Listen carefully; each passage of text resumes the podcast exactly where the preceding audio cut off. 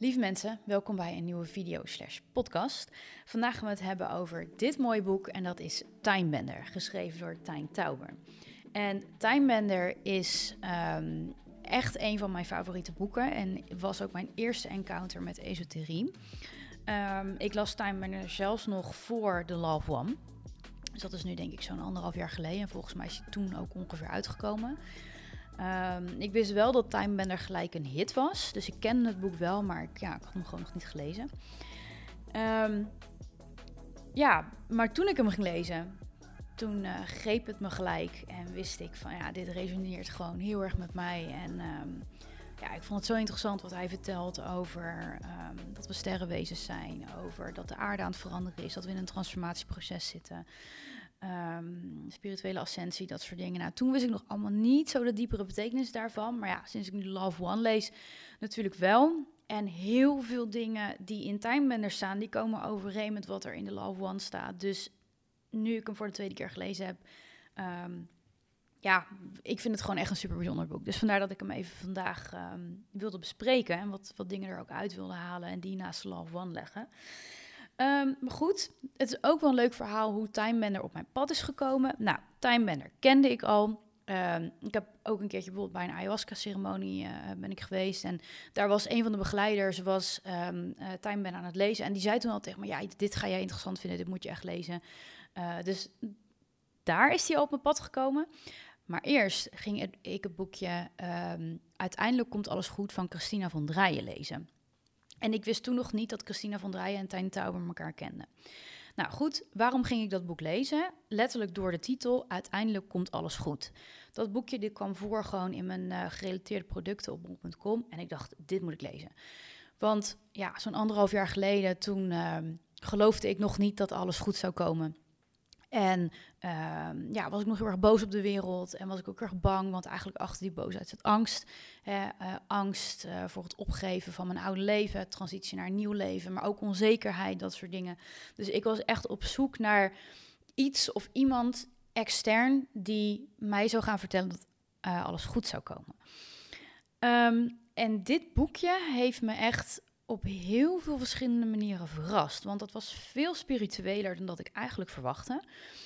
Uh, het was ook heel erg simpel geschreven eigenlijk. Um, en zij hield het ook. Zij is super jong ook, volgens mij. Voor mij is zij iets van twintig. Uh, dus je merkt ook dat het door een jong iemand is geschreven. Maar het is juist heel erg simpel gehouden. Je moet erin geloven dat uiteindelijk alles goed komt. En die taak ligt bij jou. Dus, nou goed. Um, door dat boekje kreeg ik echt wel wat inzicht ook over mijn eigen gedrag, gedrag en mening richting de wereld. En dat hè, als ik dan die nieuwe wereld wilde, dat ik echt bij mezelf moest beginnen, dat ik daar dan ook het innerlijk werk voor moest doen.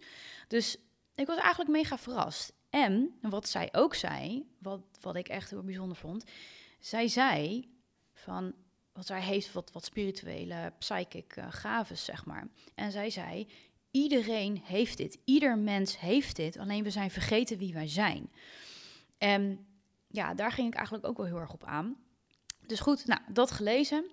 En uh, daarna dacht ik van, nou, ik ga toch maar een keertje... Want Tijmen, kwam ook heel tijd voorbij in bol.com. Nou, dacht ik, ga hem toch maar lezen. En um, rond die tijd was ik ook aan het werk bij Wigge Meerman. En Wigge Meerman is natuurlijk van de podcast Eindbazen. En of, uh, Tijn Tauber was toen te gast bij Eindbazen. En ik was die dag toevallig aan het werk bij Wigger. Dus ik was in de studio en ik mocht bij die podcast zijn. Dus ik heb Tijn ook nog in het echt gezien. Um, dus ik had nog niet Timebender gelezen. Ik had hem zeg maar besteld en hij kwam eraan. Maar ik had dus wel het boekje van Christina van Drijen gelezen. En hij was aan het vertellen hoe, time, hoe Timebender tot stand kwam. En ineens begon hij te vertellen over Christina van Drijen. En ik dacht echt zo? Hoe, hoe kan dit? Weet je, het was echt een soort, ja, ik voelde toch een beetje synchroniciteit. Dus ik dacht echt, nou oké, weet je, wat is dit dan? Nou, en toen vertelde hij uh, dat hij heel veel moeite heeft gehad met het uitgeven van Timebender. Dat Timebender uh, als transcript heel lang bij hem op de plank heeft gelegen. Dat geen enkele uitgeverij het boek wilde uitgeven.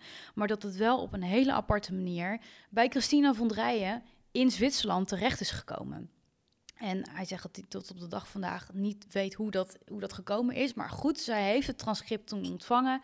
Zij heeft het gelezen en zij heeft contact met Tijn opgenomen. En zij heeft gezegd, je moet dit uitgeven, want het bevat de waarheid. Nou, dat zei hij dus tijdens die podcast. En dat vond ik zo'n fascinerend verhaal. En toen ben ik thuis gelijk, uh, ja, toen Tijnbender thuis bij mij in de briefbus lag, ben ik hem gelijk gaan lezen. En dat viel ja, heel erg voor mij op zijn plek. En ehm, ja, ik merkte ook dat, ehm, dat alles wat in Tijnbender stond, dat dat heel erg resoneerde met me. En wat ik prettig vond, is dat het in de romanstijl is geschreven. En dat het ook niet zo'n, ja, het is ook niet zo'n heel dik boek. Dus dat het ook makkelijk wegleest. Dus hè, ben jij niet zo bekend met esoterie en spiritualiteit, maar vind je dit soort onderwerpen wel interessant? Hè? Dat, je, dat wij uh, sterrenwezens zijn, dat we niet alleen zijn in het universum, dat je je afvraagt waar bewustzijn vandaan komt, dat soort dingen. Nou, dit is echt een hele goede eerste stap richting al die materie, zeg maar. Nou. Alright. Um, nou, en ongeveer net na Time Bender um, ontdekte ik dus de Love One. En toen uh, ja, ontdekte ik ook dat um, er heel veel overeenkwam met Time Bender en de Love One. Dus ja, daar wil ik het eigenlijk vandaag over hebben. Maar wat ik eerst even wil doen, is kijken naar de definitie van esoterie. Uh, want dat heb ik nu al een paar keer heb ik dat, uh, heb ik dat genoemd. Maar ik kan ook begrijpen dat niet iedereen wat, weet wat het is. Nou, als we naar de definitie op Wikipedia kijken, dan staat er: Esoterie is kennis die slechts voor ingewijden, geïnitieerden toegankelijk is. Dit in tegenstelling tot exoterie, waarvan de kennis voor iedereen verifieerbaar en toegankelijk is. Heel wat levensbeschouwelijke stromingen en genootschappen beroepen zich op een dergelijke vorm van kennis, die zowel het individu als de kosmos betreft, en ontwikkelen daarbij een eigen leer en methodiek. Um, nou goed, even iets verder. Tot de onderzoeksgebieden van esoterie behoren alchemie, astrologie, gnosticisme, herm hermetisme, kabbala, magie, mystiek, neoplatonisme. Nou, ik weet niet wat, het, wat ze allemaal zijn, maar er zijn al een aantal van deze uh, ismes waar ik, uh, waar ik me mee bezig hou. Um, en dat is voornamelijk uh, hermetisme. Hermetisme komt van uh, Hermes uh, Trismegistus en dat is ook wel dood. Nou, en ik zit nu in, um, ik, ben, ik zit vol in de boeken van Druvale Melchizedek. En uh, Druvale Melchizedek vertelt heel veel over de Merkaba en over um, de rol van Egypte in de evolutie van ons bewustzijn. Over de Flower of Life natuurlijk. Hij is een beetje de grondlegger ook van Sacred Geometry hier in de, in de moderne tijd. En um, nou ja, een van zijn leermeesters is dus Thoth geweest. En dat is dus eigenlijk Hermes Trismegistus. Want um, Hermes Trismegistus, uh, of dood, die incarneert heel de tijd opnieuw. En um, ja, dat, zijn, dat, is een figuur geweest die uh, heel veel bij, bij, heeft gedragen aan de moderne wetenschap en dergelijke. Maar nou goed, dit is even een ander onderwerp. Hermetisme ga ik het een andere keer over hebben. Uh, nou, alchemie bijvoorbeeld ook een interessante. Uh, alchemie is natuurlijk de of staat bekend als de um, ja, omsmelting of de transitie eigenlijk van kwik of lood tot goud. Um, uh, ja, dat zou natuurlijk heel mooi zijn als dat, als dat kan. Alleen voor mij uh, is alchemie iets anders. Alchemie, uh, eigenlijk staat dat meer, is dat meer een metafoor. Dus de omzetting van kwik of lood tot goud is voor mij meer een metafoor uh, van de transitie van de ene vorm van bewustzijn naar de andere vorm van bewustzijn, waar ik natuurlijk heel veel over spreek. Hè, van third density consciousness naar fourth density consciousness. dit is overigens ook allemaal terug te vinden in de werk van Druvale Melchizedek. Nou goed, al deze dingen en ook bijvoorbeeld astrologie en daar valt dan ook weer human design onder. Dit is allemaal esoterie, esoterische onderwerpen. Um, ja, nou goed, en daar valt uh, Time Bender dus, uh, dus ook onder. Nou goed, uh, wat een beetje de strekking is van Time Bender, is dat de hoofdpersoon, en dat is natuurlijk eigenlijk Time Tower, wordt niet zo genoemd, maar dat is wel heel erg eruit op te maken. Um, de hoofdpersoon krijgt een missie van Time Bender om de codes van de levende bibliotheek te heractiveren. En nou, daar komen we zo meteen op wat daarmee bedoeld wordt. Maar wat, waar het eigenlijk om gaat, is dat um, de aarde nu in een transformatieproces zit, in een ascensieproces. Dus hè, van de ene vorm van bewustzijn naar de andere vorm van bewustzijn. En wie mijn video over reïncarnatie heeft gekeken, die, um, die, die snapt dat ik hier ook heel veel over spreek vanuit de Law of One. En dat dat inderdaad zo is. En dat 2012 daar een heel belangrijk transitiejaar in is geweest. Alright, nou laten we in Timebender uh, duiken, want eigenlijk wordt het al gelijk op bladzijde 14 en 15 interessant. Wanneer er dus uh, gesproken wordt over de levende bibliotheek, over de codes die in ons zitten, waar we vandaan komen, et cetera, et cetera. Dus op bladzijde 14 zegt Tijnbender. De levende bibliotheek op aarde was destijds opgezet als een prachtig galactisch experiment. Bijna alle rassen namen hier aan deel en dat was beslist een unicum. Vrijwel alles wat groeit, bloeit en leeft in de vorm van planten en dieren en mensen is op deze planeet gezaaid vanuit de hele kosmos. Wacht even, u bent me kwijt, zegt de hoofdpersoon. Begrijp ik goed dat u zegt dat wij mensen door buitenaardse wezens zijn gecreëerd? Ja, zegt Timebender, maar de mensheid is een zeer speciaal ras, ook al zijn jullie dit zelf vergeten. Wij noemen de mensheid het koninklijk ras omdat het volledige DNA-potentieel in jullie ligt opgeslagen. Mensen dragen genen in zich van zo ongeveer elke ras in het universum. Pleiadiërs, Orions, Lyrians, Syrianen, Anunnaki, Vegans, Andromedans, Reptilianen en Zeta. Mensen bevatten de universele code van het leven. Dat is waarom zij zo bijzonder en zo waardevol zijn.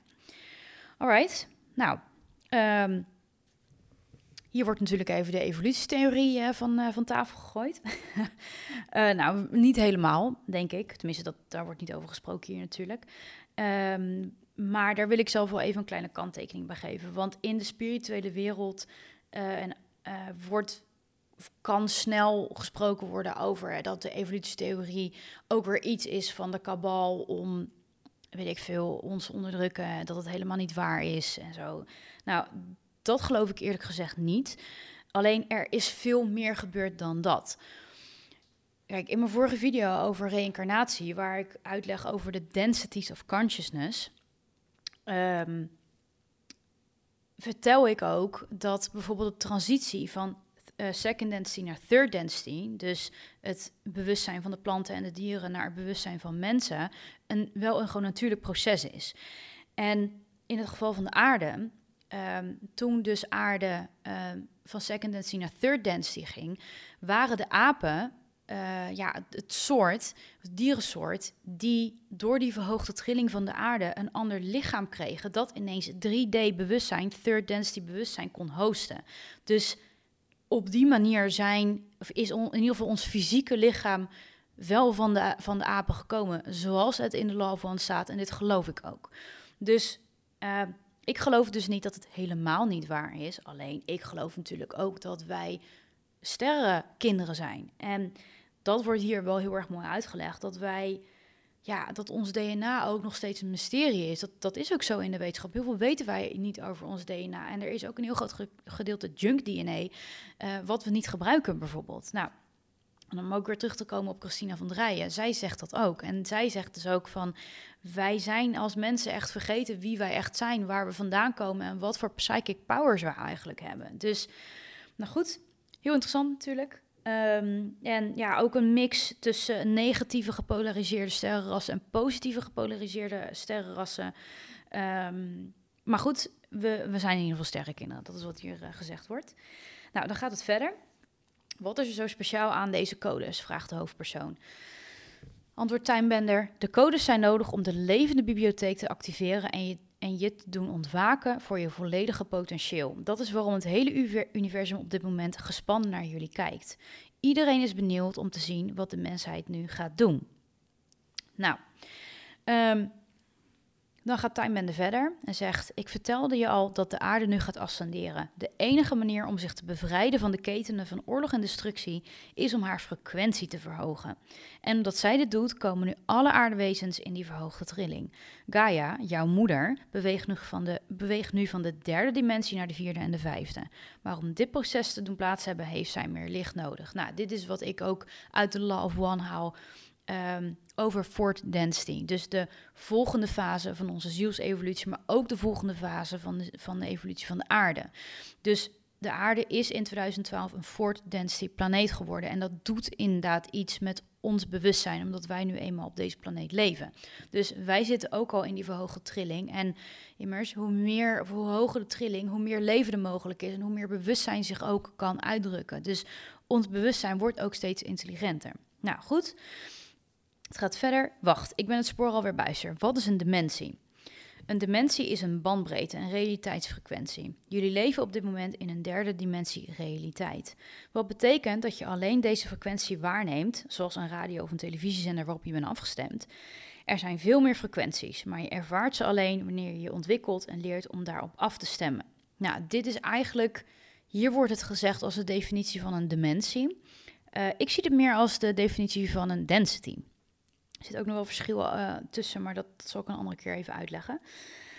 Um, alright, en om dat te kunnen is er meer licht nodig, vraagt de hoofdpersoon. Dat klopt, zegt Timebender. Wanneer er meer licht in de aardse atmosfeer binnenstroomt, kunnen de oorspronkelijke codes worden geactiveerd.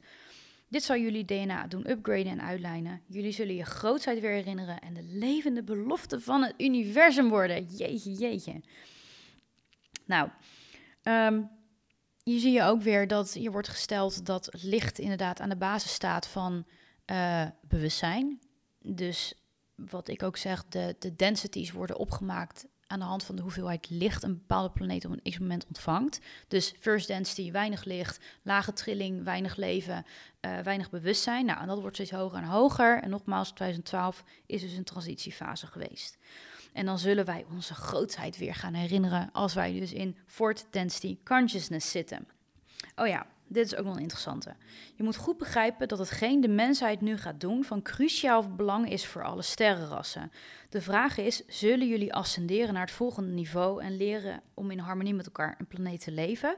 Of zullen jullie de levende bibliotheek vernietigen en jezelf terug katapulteren naar een stenen tijdperk met als gevolg opnieuw vele cycli van dood en wedergeboorte? Um, ik ben het met heel veel dingen eens in Time Bender, maar niet met alles. En dat is dit. Um, want het gaat over jullie. De vraag is: zullen jullie ascenderen naar het volgende niveau? Nou, bla. Of zullen jullie de levende bibliotheek vernietigen? En jezelf dus terugkatapulteren naar die cycli van dood en wedergeboorte. Oftewel opnieuw heel de tijd reïncarneren. Um, dat eerste klopt naar mijn idee wel. Dus inderdaad, alle zielen die hier in Third Density de lessen leren um, en zich gaan herinneren dat zij een ziel zijn op een evolutionaire reis, het hart kunnen openen, um, kunnen vergeven, bewustzijn van eenheid, dat soort dingen, ja, die maken de transitie naar de nieuwe aarde, naar Fourth Density Consciousness. En dat wordt dan ja, dat, zijn, dat is een groep zielen, inderdaad. Dus in dat geval kan je over jullie spreken. Alleen, wanneer, ik, ben, ik ben niet zo fan wanneer het over doem en vernietiging gaat. Want natuurlijk, wij zijn een best wel destructief ras. Wij gaan niet zo heel lekker met deze planeet om. We gaan niet zo heel goed met, met, elkaar om. Zeker. Alleen, wat hier eigenlijk wordt gesteld, is dat als wij dus niet die lessen leren van third density, dus van de, van de 3D-realiteit, uh, um, dan is het doem en vernietiging. In de law van wordt, wordt dit niet zo gesteld. Als jij hier die lessen niet leert en dus niet meegaat naar fourth density consciousness, dus naar die hogere vorm van bewustzijn, dan ga jij het opnieuw proberen in een andere incarnatie. Dus dan ga jij hier op deze planeet ga jij dood, laat jij jouw fysieke lichaam achter en dan incarneer jij opnieuw in een, op een andere third density planeet, omdat jij die lessen moet leren. Maar nobody will be left behind, want eenheid is het enige wat er bestaat. Jij wordt niet uitgesloten daarvan, zeg maar. Dus ik hou er niet zo van als er over doom en vernietiging wordt gesproken. Nou, um, Alright, dus dat was even mijn kritische kanttekening hierbij. Um, en, oh ja, die cycli van dood en wedergeboorte, wat ik net al zei, is dus uh, reïncarnatie. Dus wat ik net zei, als jij die lessen dus niet leert, dan incarneer jij opnieuw op een third density planeet. En leer jij die lessen ook weer niet in dat leven, nou, dan probeer je het gewoon opnieuw. Je probeert het elke keer opnieuw, totdat jij die lessen wel leert en dus hoger uh, de, en dus meegaat in die transitie naar hoger bewustzijn. Maar nogmaals, nobody will be left behind, want het is allemaal één. Alright. Um, nou, en dan zegt uh, de hoofdpersoon natuurlijk, als u het zo brengt, dan kies ik voor ascensie. Ja, ik natuurlijk ook. Ik bedoel, ehm, eh, ik, ik ben mij bewust van ehm, eenheid nu. Um, ik probeer vanuit het hart te leven. Ik heel mezelf, alles. Dus ik, ik voel ook dat ik meega in die ascensie. En dat is ook waarom ik deze boodschap natuurlijk de wereld in wil brengen. Ik hoop ook dat zoveel mogelijk mensen meegaan in die ascensie, omdat die nieuwe aarde nu eenmaal een hele mooie plek gaat worden. Dat is echt waar ik in geloof. Dus hè, de strekking van het eindbender over spirituele ascensie is natuurlijk heel erg mooi en zou iedereen eigenlijk moeten inspireren om ehm, ja, die lessen hier in Third Density te leren en om ehm, ja, mee te gaan naar die, naar die nieuwe aarde. Dus de kern is heel goed. Maar goed, dit was in ieder geval mijn kritische kanttekening over doem en vernietiging, zeg maar. Nou, alright. Wat ook een heel interessant stuk is, is het stuk van Hidden Hand. Hoofdstuk 8, bladzijde 96. En um, nou, dit hoofdstuk begint met dat de hoofdpersoon um, een afspraak heeft met Hidden Hand. Hij weet niet wie het is. Hij gaat naar de Zuidas, hij gaat naar een heel chic kantoorpand. Um, maar zodra hij de lift instapt en op de desbetreffende verdieping komt, dan ziet hij dat het kantoor leeg is, dat er maar één um, bureau staat met een ja, een beetje apart figuur. En heeft hij zoiets van, hm, dit, is wel, uh, dit is wel heel raar. Nou, dan beginnen we op bladzijde 96. Vraagt de hoofdpersoon, bent u de duivel? Dan zegt Hidden Hand, onze lijn voert terug tot ver voorbij die antiquiteit. Vanaf de vroegste tijden van jullie beschreven geschiedenis en ver daarvoor heeft onze familie het spel van achter de schermen op vele manieren aangestuurd. We zijn geboren om te leiden. Het is deel van het ontwerp van dit paradigma. Wij bekleden sleutelposities in alle belangrijke gebieden: media, regering, leger, wetenschap. Dus jullie zijn degene die de mensheid al gedurende vele duizenden jaren onderdrukken. Dat is juist zegt Hiddenhand. Dit is de rol die ons is voorgeschreven om in dit spel te spelen. Om succesvol te zijn, dienen wij zo negatief mogelijk gepolariseerd te zijn, dienstbaar aan onszelf tot in het extreme. Geweld, oorlog, haat, hebzucht, controle, slavernij, genocide, martelingen, morele degradatie, prostitutie, drugs, al deze dingen en meer dienen ons doel in het spel. En daar bent u trots op, vraagt de hoofdpersoon nou ja, die laatste vraag van de hoofdpersoon, en daar bent u trots op, voelde ik ook heel erg toen ik dit boek voor het eerst ging lezen. Uh, want wat ik aan het begin van de video ook zei, toen zat ik nog heel erg in ja, die boosheid richting de wereld. Um, snapte ik ook niet waarom al deze negatieve dingen moeten, moesten bestaan. En waarom dat, ja, um, ja, ik was gewoon heel erg bang voor onderdrukking. En ik dacht, ja, waarom moet dat in mijn leven gebeuren? En uh, dat is iets wat je in de geschiedenisboeken leest, of in 1984 van George Orwell. En uh, ja, ik had gewoon niet gedacht dat het in mijn, in mijn leven zou gebeuren. Dus ik voelde die boosheid van de hoofdpersoon ook heel, heel erg. Alleen toen ik het voor de tweede keer ging lezen, dus dat is onlangs geweest, met de kennis van de Law of One in mijn hoofd, vond ik het heel bizar dat hier op pagina 97 ineens dit staat. Om succesvol te zijn, dienen wij zo negatief mogelijk gepolariseerd te zijn. Dienstbaar aan onszelf tot in het extreme. Dat is de service-to-self polariteit. Dus hier heb ik het ook in mijn video over, over reïncarnatie gehad. Maar ik zal nog een apart video wijden aan uh, service to self en service to others. Dus de twee polariteiten die je hier kan kiezen in third density. Maar dat staat hier dus letterlijk. Om succesvol te zijn dienen wij zo negatief mogelijk gepolariseerd te zijn, dienstbaar aan onszelf tot in het extreme. Dus deze figuur, Hidden Hand, heeft dus uh, de, in Third Density de negatieve polariteit gekozen. Nou, het gaat verder, nadat dus de hoofdpersoon vraagt, en daar bent u trots op. Het verschil tussen jou en mij is dat ik weet dat ik in het spel speel. Hoe minder jullie weten over het spel en hoe minder jullie je herinneren dat, dat, jullie een speler zijn, hoe zinlozer het leven wordt.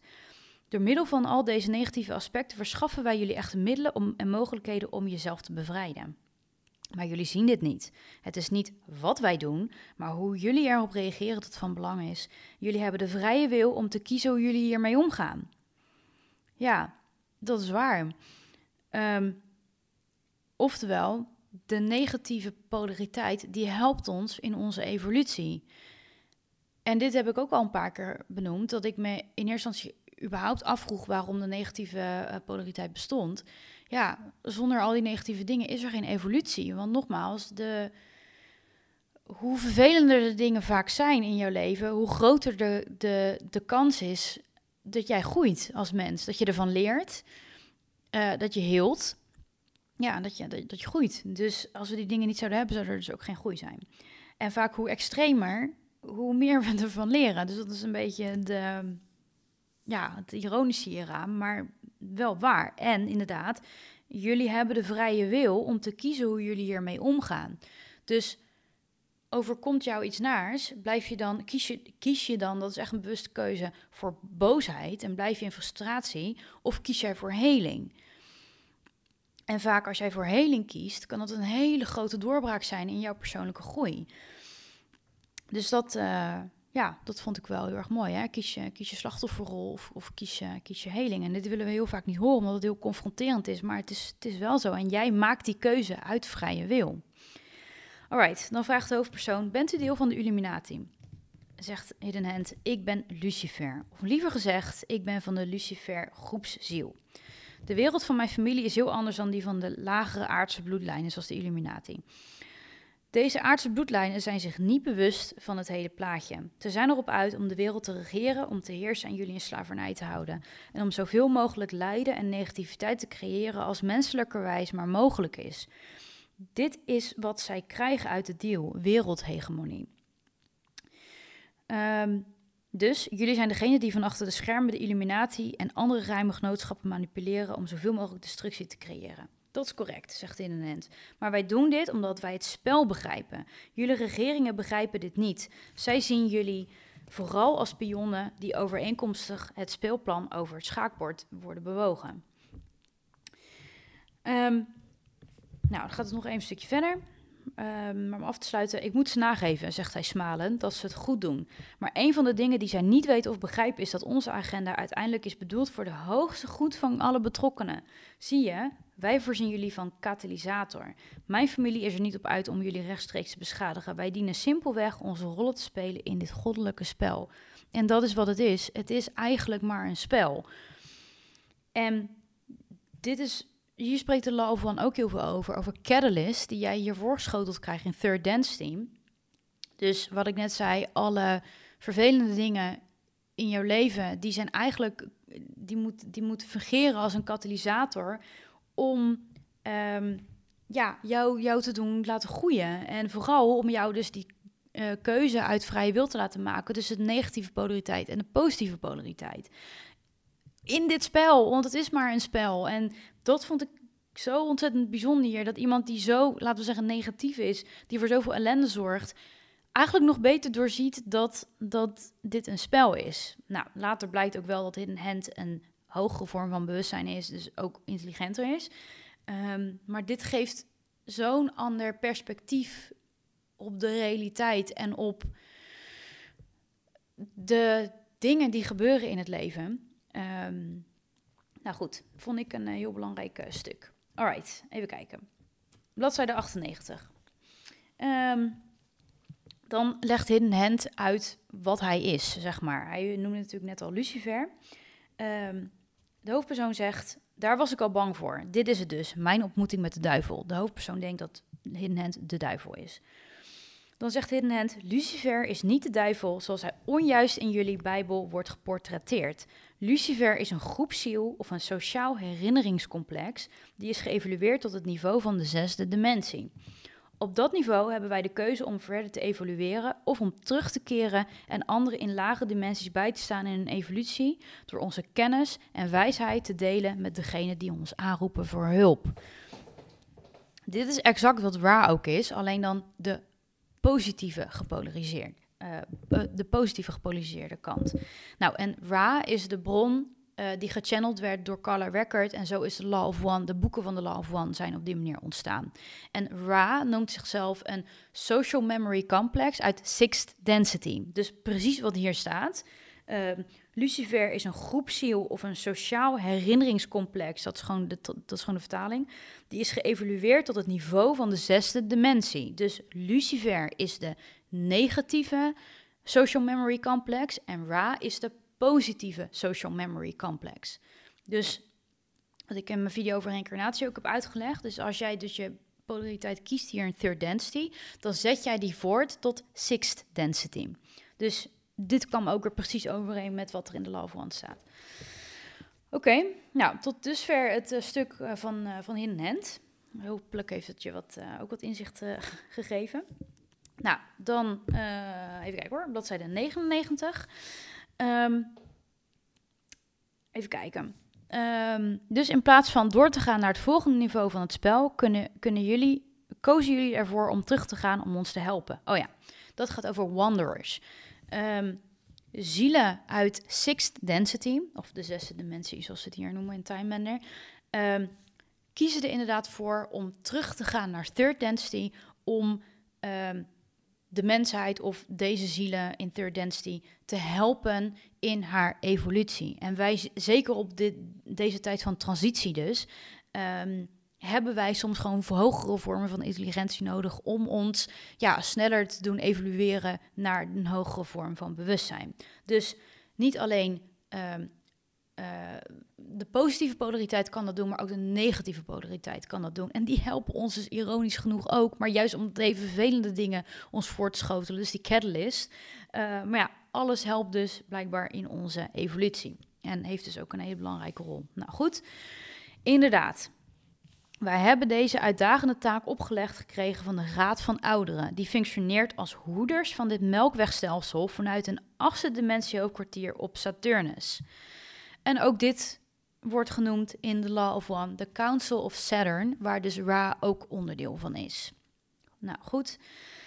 Um, ja, heel bijzonder allemaal. Alright, het gaat verder, want ook het proces van harvest wordt genoemd op bladzijde 125. Nou, de vertaling van harvest is natuurlijk oogst, dus zo wordt het in Time Bender genoemd. Nou, op een gegeven moment is er nog een hoofdstuk met, uh, met Hidden Hand op bladzijde 125 en daar wordt um, de harvest genoemd. Nou, in het Nederlands is het natuurlijk de oogst. En um, nou, dit is ook hoe het in Time Bender omschreven wordt, maar in de Law One wordt het de harvest genoemd. En de harvest is dus die transitie van de ene vorm van bewustzijn naar de andere vorm van bewustzijn. En nu, op dit moment, vindt dus op aarde een harvest plaats. Nou, Hidden Hand die zegt op bladzijde 125: Een oogst is een specifieke, tij specifieke tijd in de grote kosmische cyclus waar vernieuwing plaatsvindt. Op dit moment is jullie planeet aan het ascenderen naar de vierde dichtheid. Hier noemen ze dus wel de vierde dichtheid voor density. Hè? Density is de vertaling van dichtheid. Dus tijdens deze ascensie zal er een drievoudige splitsing zijn voor de zielen die op aarde wonen. Degenen die voornamelijk negatief gepolariseerd zijn, zullen met ons meegaan wanneer wij evolueren door de negatieve of dienstbaar aan jezelf, service to self, oogst. Um, wij, Lucifer, moeten dan hard werken om het karma opgedaan door alle negativiteit die wij op deze planeet hebben veroorzaakt af te lossen. Wanneer we dat eenmaal hebben gedaan, zullen we vrij zijn om opnieuw onze plek in te nemen als de zesde dimensie leraren van wijsheid voor dit hele melkwegstelsel. Dus wat ik zei, um, zowel de negatieve zielen gaan door als de, als de positieve zielen. En dat wordt hier echt super mooi uh, omschreven. En inderdaad, negatieve polariteit is dienstbaar aan jezelf, service to self. Hoe zit het met degenen die positief georiënteerd zijn? vraagt de hoofdpersoon. Degenen die meer positief georiënteerd zijn geweest, licht en liefde, love and light, zullen evolueren naar een prachtige nieuwe vierde dimensie aarde, waar jullie zullen werken aan het leren en leven vanuit liefde en compassie, love and understanding. Dit is precies fourth density. Dit, dit is precies wat er in Love One staat. Het zal een hele mooie en gouden eeuw voor jullie zijn. De vierde dichtheid zal jullie openen voor jullie ware krachten als unieke geïndividu... Individu, zo, als unieke Ik ga stuk om mezelf, sorry hoor als unieke geïndividualiseerde aspecten van de oneindige schepper, de creator. Het zal een heel magische tijd voor jullie zijn. En um, nou, ik kan de video hier bijna mee eindigen, want dit is precies waar ik in geloof. En dit is precies wat ik probeer uit te dragen. Dit is die Fort Density positief gepolariseerde planeet. Um, waar we naartoe gaan als jij hier de lessen in Third Density 3D leert, ehm, ja, dan, dan kan jij meegaan in die harvest, in die oogst, in die transitie. Nou, dan gaat het op bladzijde 154 nog uh, wat verder, want het gaat daar nog over de Kundalini-energie. En de Kundalini-energie is natuurlijk iets waar ik me ook heel veel mee bezig hou, omdat um, ik heel sterk het vermoeden heb dat uh, het ontwakening van de Kundalini-energie eigenlijk een directe inwijding is, is in Fourth Density Consciousness.